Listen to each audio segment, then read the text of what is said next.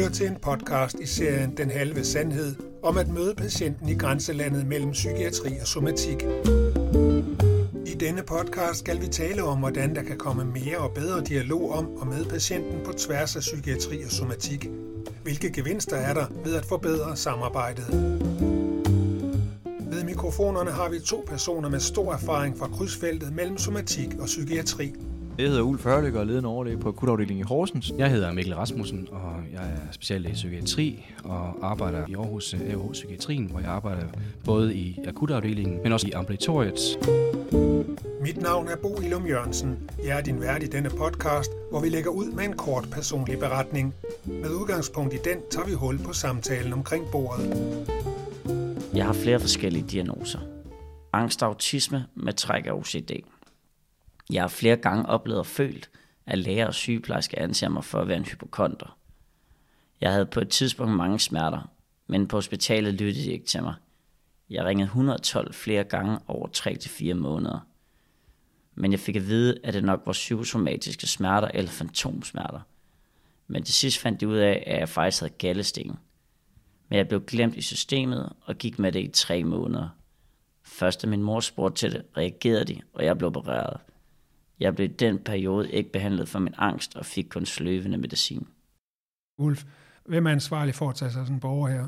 I udgangspunktet bliver du den læge, der modtager øh, patienten, som skal tage ansvaret for at lave et ordentligt forløb. Øh, og der har vi da en, en udfordring en gang imellem øh, med at øh, rent udsagt tage patienter seriøst. Altså at der kan komme sådan en fixeringsfejl på, at det er en patient, der har har misbrug eller psykisk sygdom eller øh, noget andet, og, og, og, og så, så kan man komme til, og det ser jeg jo gang på gang, at man kommer til at fixere på, øh, på noget, der, der, der, der så giver en, gør en blind for det faktiske problem. Ikke? Og øh, nogle gange så er problemet jo, altså så kan en gallesten være en gallesten, men for mig så kan en gallesten være generende. Hvis du ikke har ressourcen til at håndtere smerterne og så videre, så kan det være et problem af et helt andet omfang, end det er for mig. Så, øh, så hvem har ansvaret? Jamen, i udgangspunktet, så er den læge, der modtager patienten, og den afdeling, der modtager patienten. Og Mikkel, er det her et eksempel, som er fremmed for dig? Nej, det er ikke fremmed. Øhm, og den problematik omkring øh, den læge, der modtager, den ser vi faktisk i, på begge sider af lejrene, altså både i psykiatrien og i somatikken faktisk. Men det er det der med, at man, man, man fokuserer på, på én ting, ikke? Og, og ikke ser det hele menneske. Altså vi, øh, krop og psyke, krop og sind hænger sammen. Og det er nogle gange, vi, vi glemmer det lidt, når vi står inden for vores eget lille speciale, øh, og så øh, fokuserer kun på den ting. Øh, det ved jeg også mange patienter, der siger, jamen det bliver kun talt om de præcis den her lille ting her, men der var faktisk nogle andre ting også, øh, som man ikke ligesom var interesseret i at høre om. Og måske var det, hvis man havde så kigget på det, på, det, på det samlede billede, så havde måske været den behandling eller den plan, man havde lavet med patienten, havde været, måske været mere farbar et eller andet sted. Man kan også sige, at, at altså, nu min baggrund, før jeg blev øh, akutlæge, det er min praksis, og der var øh, stadigvæk er gængs øh, mange steder, at du må tale om et problem, og så må du bestille en, en, en ny tid til dit næste problem. Øh, og det i sig selv kan godt øh, give nogle udfordringer for at få set hele patienten. Hvorfor er det sådan? Jamen altså i al min praksis, der var det 100% øh, et ressourcespørgsmål. 10 minutter per patient.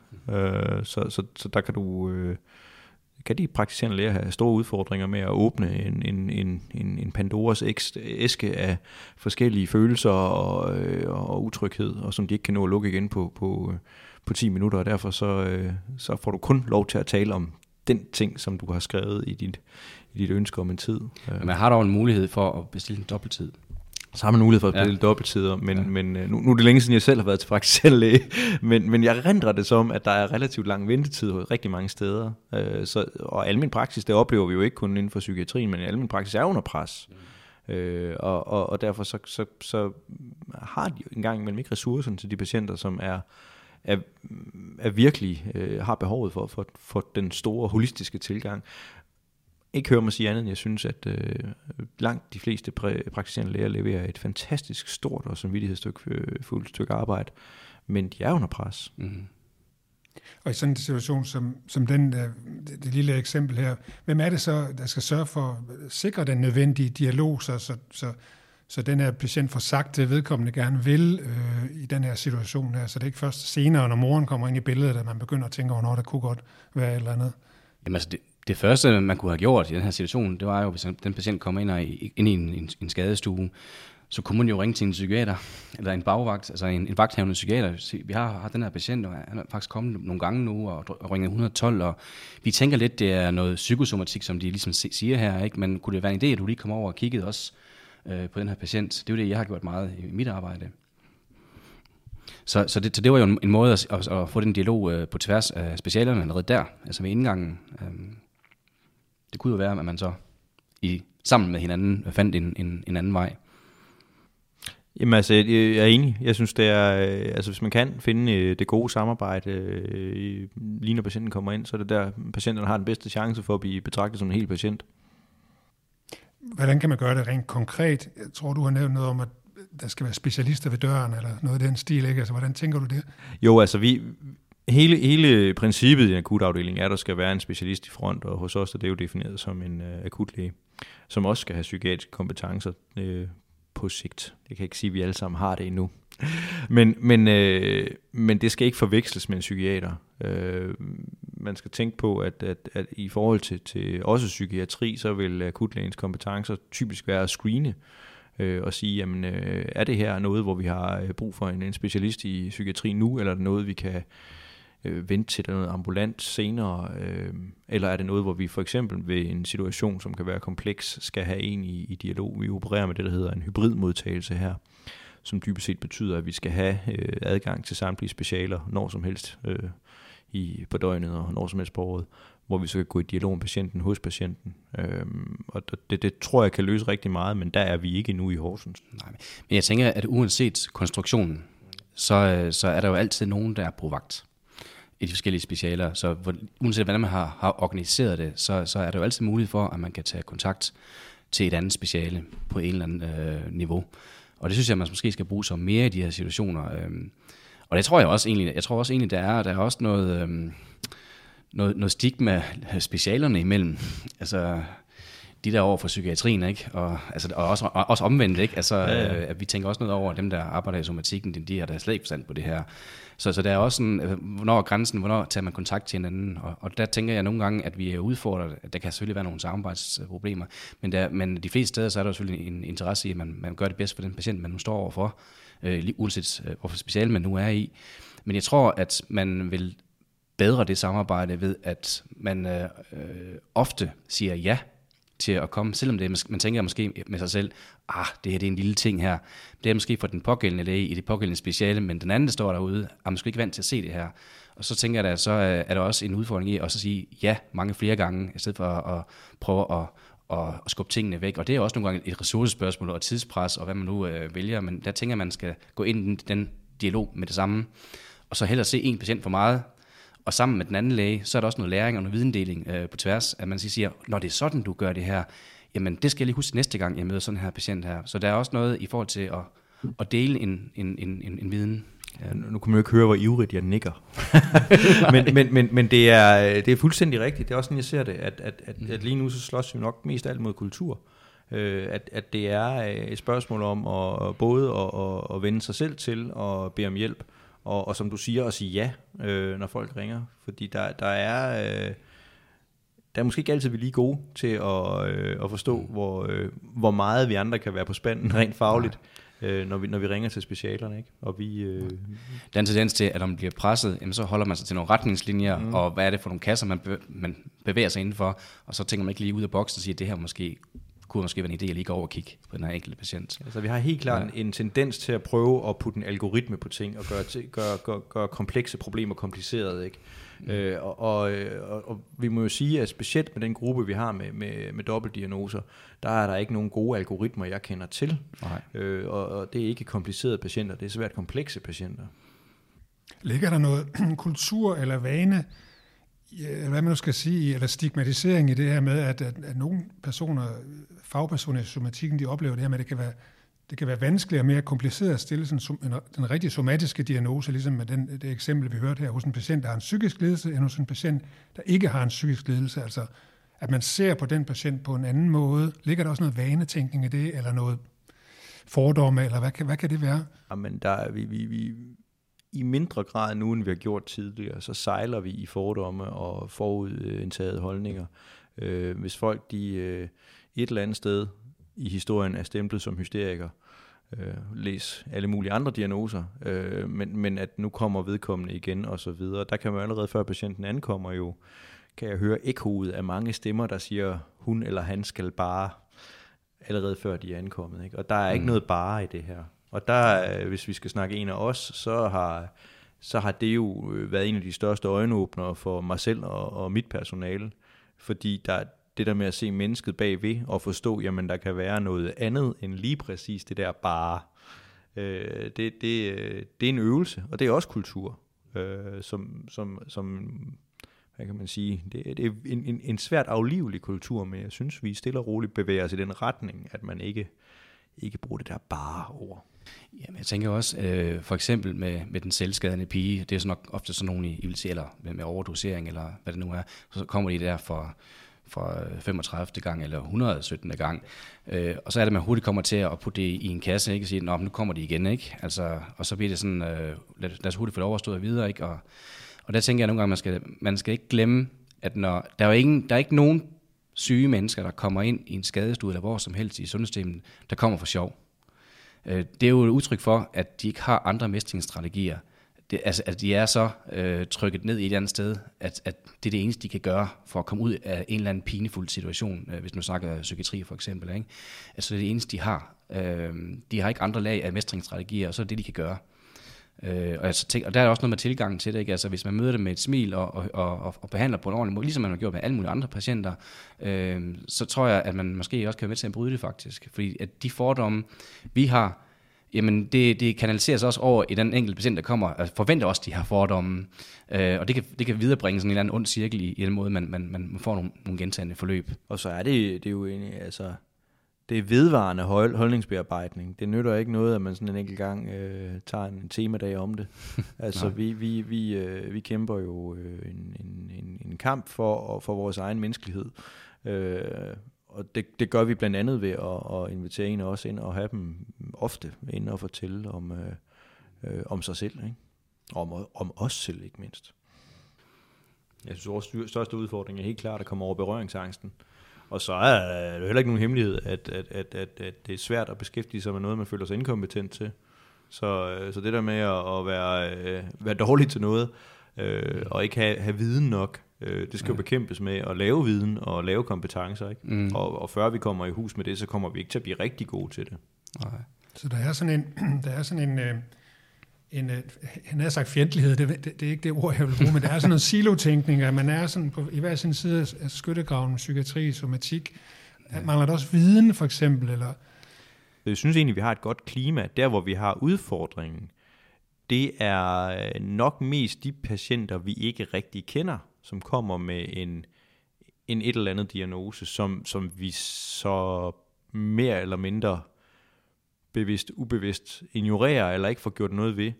De patienter, som vi, vi kender og har fået, fået snakket med psykiatrien om, og det er vi øh, gudske tak og lov blevet hurtigere til at gøre, øh, belært af nogle, nogle virkelig øh, uheldige forløb, vi har haft i de sidste år, øh, der synes jeg, at vi, vi er blevet langt bedre til dem, som, som er ligesom gengangerne.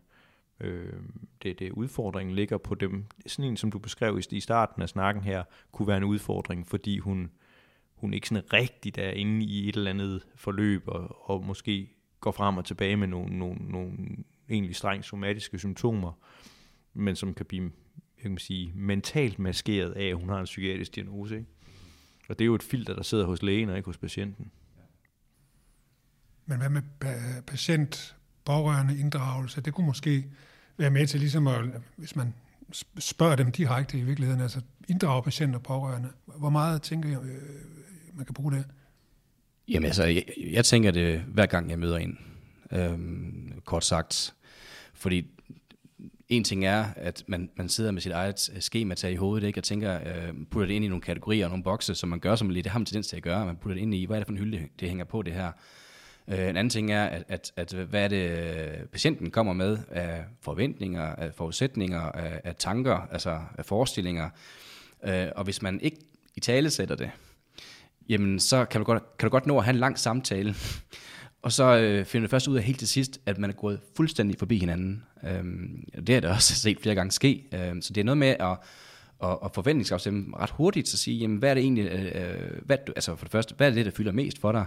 Øh, hvad er det, der, der i, jeg kan se på det, at du kommer med det her, ikke? Men, men, men er der nogle andre ting i det her, eller, og det hører lidt til, jamen, hvad der skete op til, ikke? Altså, når man, når man begynder at forstå historien, øh, det kan også være, at der sidder nogle pårørende siden af, som reagerer helt anderledes end patienten, øh, at patienten prøver måske at, at, at bagatellisere det, øh, fordi øh, man er måske lidt bange for at komme ind, øh, eller hvad det nu er utryg ved situationen, men så sidder der måske en mor ved siden af næsten grædefærdig og tænker, at nu skal, det, nu skal der så ske et eller andet. Ikke? Så, så er det jo også vigtigt at få den, den vinkel ind, fordi det vil jo have, øh, altså det giver os det, det samlede billede af, hvad det egentlig drejer sig om, fordi det kan godt være, at når lige snart patienten træder ud af rummet igen, så er det noget helt andet, der viser sig.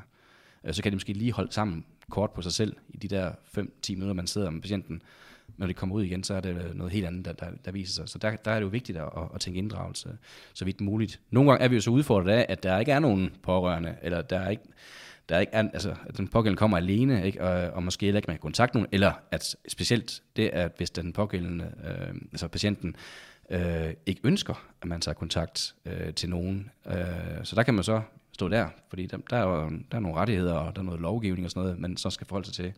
Men mindre det er så så voldsomt, at, at man tænker, at den her patient går ud og dør nu, hvis vi ikke gør et eller andet, så kan man selvfølgelig øh, øh, bypasse det øh, og sige, at det her det er nødvendigt for simpelthen at, at redde dit liv. Ikke? Øh, så, men der kan man blive udfordret i forhold til det, men det, man skal tænke det ind i, i enhver sammenhæng. Altså vi er jo, vi er jo ofte 100% afhængige af pårørendes vurderinger, mm-hmm. øh, både på ældre mennesker, som overhovedet ikke har noget med psykiatrien at gøre, men også i andre situationer. Jeg havde en, øh, en, en situation med øh, en, en, en herre af, af asiatisk herkomst, der kom ind, øh, og han kunne ikke tale dansk. Og han havde så en pårørende med, der heller ikke talte så meget dansk. Og, øh, og jeg kunne sådan forstå, at der var et eller andet med ondt i maven. Øh, og så, øh, så lå han og sagde en masse ting, sådan lidt for sig selv. Og jeg spurgte så, hvad siger han? Og så siger han, men, men han bad til Gud. Øh, og det, det tog jeg mig ikke noget særligt af, indtil der kom en pårørende øh, til stede, som var væsentligt bedre til dansk og kunne fortælle mig, at det var den forkerte Gud.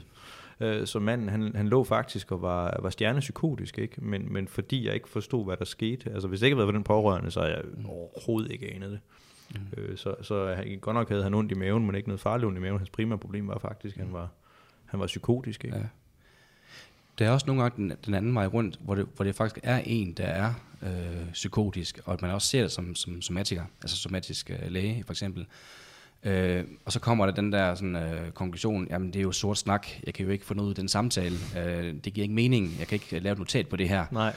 øh, og, og, og der tror jeg godt, jeg vil også sige her i den her, den her kontekst, at, at øh, jeg har oplevet rigtig mange gange, at hvis man sætter sig ned, og det, det der problem med det, der er, at det kræver altså lidt tid det tager ikke bare lige 10 minutter, det tager måske lidt en halv time eller længere tid for at for det første få en alliance nogle gange, mm. at man får et tillidsforhold, at, patient, at patienten faktisk stoler på, på dig som læge, at du ikke er, er, er en, der, der vil, vil den pågældende ondt, eller, eller bare er, som de andre, for de andre kontakter, man har haft tidligere, som man har oplevet. Øhm.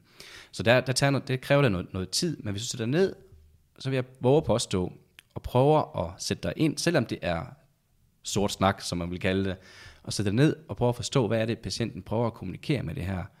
Så vil jeg våge påstå, at mange gange, så kan man godt fange, hvad det egentlig er, det drejer sig om. Noget af det, du siger, som, som gør mig bekymret for fremtiden mm. og for den psykiatriske patient, det er jo netop det her med aspektet tid i en akutafdeling. Mm. Som, som, hvor, hvor jeg er alvorligt bange for det tilbud, vi kan give. Fordi hvis jeg har to læger på vagt en aften, og vi mangler at se syv patienter, og mm. vi er overbelagt, øh, så er aspektet tid en, øh, en, en vare, vi ikke har på hylden. Øh, og det har jeg også snakket med, med nogle af de her, øh, vi har fået besøg fra en af os, øh, at nogen fortæller mig simpelthen den her med, at, at, at ligge på den der banegård, hvor folk siger, jamen jeg kommer tilbage til dig, og så bliver aftalerne ikke overholdt. Altså, så går der jo pludselig halvanden time, og som mm. nogle af dem siger, der kan jeg være nede og springe i havnen tre gange. Øh, det var en, der sagde her den anden dag, øh, af dem, der var på besøg for en af os, at, at, at, at fordi vi ikke kan overholde de aftaler på grund af presset for, for volumen af patienter, så bliver den der nødvendige tid og opmærksomhed, etablering af den trygge kontakt, mm. det, det er et værktøj, vi pludselig ikke kan have på hylden, og, og, og det er der, jeg virkelig er bekymret for, for den psykiatriske patient. Ja, det kan jeg forstå. Hvad, hvad er den næstbedste løsning? Så når tiden nu er en faktor, hvad er så den næstbedste løsning, hvis man har sådan nogle patienter, står i akutafdelingen, eller hvor den nu er henne, ikke også? Hvad, hvad er så den næstbedste løsning? Jamen altså, den, den næstbedste løsning vil være, at vi havde plejepersonale, der, der i, i et omfang, der gjorde, at de kunne være hos dem, men det har vi jo øh, det har vi heller ikke. Øh, og, og så er vi nede på den tredje bedste løsning, og det, og det heldigvis så har vi jo, når vi er gode, så når vi etablerer den tredje bedste løsning, som er samarbejde med psykiatrisk afdeling. Øh, fordi vi, vi, det er virkelig både for patienten og for, for de sundhedsprofessionelle ubehageligt at indgå aftaler, som den sundhedsprofessionelle ikke kan overholde. Øh, og, og det er super utrygt for den, der ligger og egentlig føler sig lidt til besvær og skammer sig over, at de er kommet, fordi de har skåret i sig selv, og øh, egentlig helst vil være et andet sted, og øh, måske, måske ikke ligger der noget papirarbejde, altså for så i form af rød papir eller noget øh, derude, og, og så nogle gange så vælger folk at gå i de situationer. Så, men, men hvad den næstbedste løsning er, Altså den, den primitive og ikke særlig konstruktive måde at sige, at gå til det på, det er at sige flere hænder. Men, men det ved vi jo godt, vi ikke får. Altså det findes ikke i systemet, øh, hverken øh, pengemæssigt eller personalemæssigt øh, rekrutteret i omfang. Jeg tror det bedste er, at vi øh, er virkelig fleksible i samarbejde med vores naboafdelinger. Og, og PS, det samme gælder i psykiatrien. så så ja. nogle gange er det, er det ikke altid det der med at lige blive indlagt ned i psykiatrien, fordi der er samme problematik. Mm. Øh, men, øh, men helt klart, at, at noget, af det, noget af det, man, vi skal blive bedre til, og det, og det er vi også på vej til, det er det der med at sige ja og komme over begge veje. Øh, også når man har patienter indlagt i psykiatrien, mm. at man, man beder om, kan du ikke lige komme over og kigge på det her? Det, det, det virker som om, at hendes sukkersyge er, er helt ude af trit, og det kan jo også påvirke en psykisk, ikke? og kan vi, kan vi gøre et eller andet for at gøre det bedre? Ikke? Altså, at man bruger hinanden øh, mere på tværs, det, det, er, det er mm. helt klart noget, vi skal blive meget, meget, meget bedre til. Kommunikationsstrukturerne så, i forhold til at rapportere til hinanden øh, om forskellige ting, så er de på plads, eller hvordan kan de blive bedre i forhold til at skulle, når man nu får nogen ind, og så får sagt, sagt det rigtigt tilbage, og få informeret det, og så videre, og så videre. Der er jo mange platforme efterhånden til at gøre det på. Hvordan fungerer det, og hvordan, hvor kan det optimeres inden, i, på tværs af sektorerne? Ja. Der er behov for videndeling på et eller andet øh, måde, og jeg tror, at hvis man virkelig skal komme i mål med det, så er det noget med, at der er nogen, der er trovholder for det. Øh, på de, enten en fra, altså hvis man snakker på en enkelt matrikel, altså enkelt hospital for eksempel, jamen så er der en fra akutafdelingen, og der er en fra psykiatrien, der siger, at det her det er vores opgave at finde ud af, om vi gør det her bedre. Og det, at to personer kender hinanden, kigger hinanden i øjnene, det gør også, at man allerede derfra er i gang med at lave et bedre samarbejde øh, omkring det. Så jeg tror bare, det er det, en måde at gøre det på, tror jeg, altså i mange tilfælde, og det har man også set i samarbejde med kommunerne, hvor der, er nogle, der har lavet nogle projekter med psykiatrien, øh, hvor man siger, at vi skal have unge i arbejde og uddannelse osv., unge med skizofreni. Det lavede man et intensivt projekt med, med, med kommunen, øh, det var så i Aarhus, det foregik. Øh, det hedder projekt Morpheus. Øh, og, der, og der fik man rigtig mange unge med skizofreni videre øh, i uddannelse og arbejde. Og det, det krævede, det var, at man havde én medarbejder i kommunen, og én medarbejder i det ambulatorium, som kendte hinanden, som underviste hinanden på tværs, og dermed havde et, et helt øh, ekstraordinært godt samarbejde, og dermed fik man det her øh, kørt igennem. Og på samme måde tænker jeg det også med i forhold til specialerne, øh, at det samarbejde er måske, det er måske ikke raketvidenskab, det er måske bare, at man, man mødes øh, og kigger hinanden i øjnene og siger, hvordan gør vi lige det her? Vi ved jo en hel masse om, hvad der ikke virker. så, så, hvis vi nu, så, hvis vi nu kunne bruge ja. jeres viden, ikke? og I kunne bruge vores viden, ja, altså, ikke? Vi, vi, ved jo, vi ved jo helt sikkert, at det, der ikke fungerer, det er journalnotater, øh, som, som primær kilde til, til, til overlevering om, omkring et menneske. Fordi det der med at, at, øh, at forstå det, og det, det gælder for, øh, for rigtig mange patienter, ikke kun psykiatriske, men specielt hvis du står i en problemstilling, som, som du ikke er komfortabel med selv, fordi du ikke ved nok om det. Psykiatri for mm. eksempel. Mm så det der med at have den der, den der det vi kalder en hybridmodel, hvor du sammen med psykiateren hos patienten snakker om problemstillingen, det gør dig tusind gange klogere, og det gør patienten mange gange tryggere, og det gør, giver nogle meget smidigere løsninger. Ikke? Jeg kommer til at tænke på det her med, om, om psykiatrien generelt fylder for lidt, altså det samlede sundhedsvæsen. Fordi det jo, hænger jo sammen med fordomme og stigma og alle de der ting. Der, ikke? Altså, hvad tænker I sådan, sådan afrundingsvist? Psykiatri har fyldt for lidt, fordi vi har vidst for, vi har simpelthen ikke vidst nok om psykiatri. Vi har ikke vidst nok om de psykiatriske patienter. Og der er tiltag, hvor vi lærer af de psykiatriske patienter. Altså for eksempel en af os. Det er det er super stærk måde at, at give viden på. Øh, og ja, det fylder alt for lidt lige nu. Øh, det fylder lidt mere i, i den nye målbeskrivelse for akutmedicin, end, end man kunne have frygtet. Men fylder det nok? Det øh, tror jeg nok, nogle psykiater vil øh, trække lidt på, ikke også? Altså, jeg, jeg, jeg tror da godt, at det kunne fylde mere. Øh, vi ved jo, at det kan godt være, at i antal CPR-numre, så er det ikke vores største patientgruppe. Men hvis man ser på antal forløb og hvor meget det fylder i afdelingerne, jamen så er det en super væsentlig patientgruppe. Og udover alle dem, der har en eller anden form for forløb i psykiatrisk afsnit, jamen så har vi jo masser af mennesker, som, som kommer med øh, ikke diagnostiseret angst og depressioner, og jeg skal give dig, skal jeg. Altså, det, er jo, det er jo mennesker. Altså, mm. hvad, hvor meget, nu kan du sikkert tallene bedre end mig, men vi kan vel forvente alle sammen at ramme en eller anden grad af depression i løbet af livet, ikke? Og hvis du så rammer den, den der grad af depression i løbet af livet simultan med, at du får din lungebetændelse, så, så skal du jo også kunne forholde dig til det som læge, når du øh, modtager mm. patienten, ikke? Og, og der, er jo, øh, der er jo mange sygdomme, der hænger sammen. Der er, der er jo mange, der er komorbid, som det hedder. Altså, mm. Det vil sige, at man, man har fejlet noget, så der er en større chance for, at man også fejler noget andet. For eksempel, når du har en blodprop i hjernen, der er mange af dem, de har større risiko for at få depression. Hvis du har skizofreni, der er også en relation i forhold til at have hvad hedder det, øh, epilepsi, for eksempel. Så der er også nogle af de sygdomme, som har en sammenhæng, ikke? og det viser også lidt om, at, at det er ikke bare enten eller. Øh, men, men altså, og du har, du har ret i, at der er ved at, at komme lidt røre i andendammen i forhold til, til psykiatrien. Men, men det er lavstatus, og jeg tror, at det er faktisk ikke, det har ikke noget med, med, øh, med medicinstuderende eller læger eller så meget at gøre mere. Det, har også, det, er, også noget, det er også noget samfundsmæssigt. Øh, og det er nok også, som du siger, øh, Ulf, at, at i forhold til øh, viden, mangel på viden, øh, som, som gør, at man så får man så hurtigt fordomme ikke, øh, om det. Det, der er fantastisk ved vores specielt, det er konceptet den helende samtale. Og det, jeg mener, det er, at ved samtale kan man rykke et sted.